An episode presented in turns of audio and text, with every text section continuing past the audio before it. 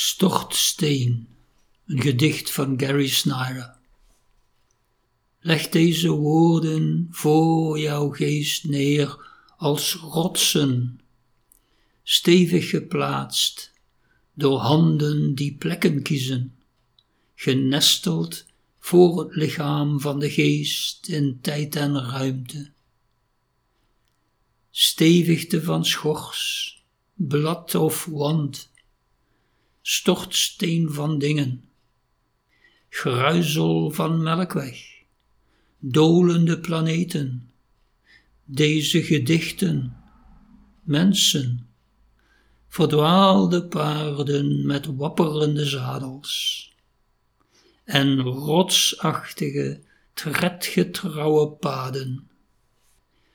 De werelden als een eindeloos vierdimensionaal gospel.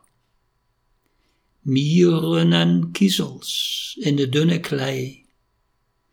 Elke rots een woord, een riviergezuiverde steen, graniet getekend door folter van vuur en zwaarte, kristal en bezinksel, gloedvol versmolten, elk veranderen, in gedachten net zo goed als in dingen.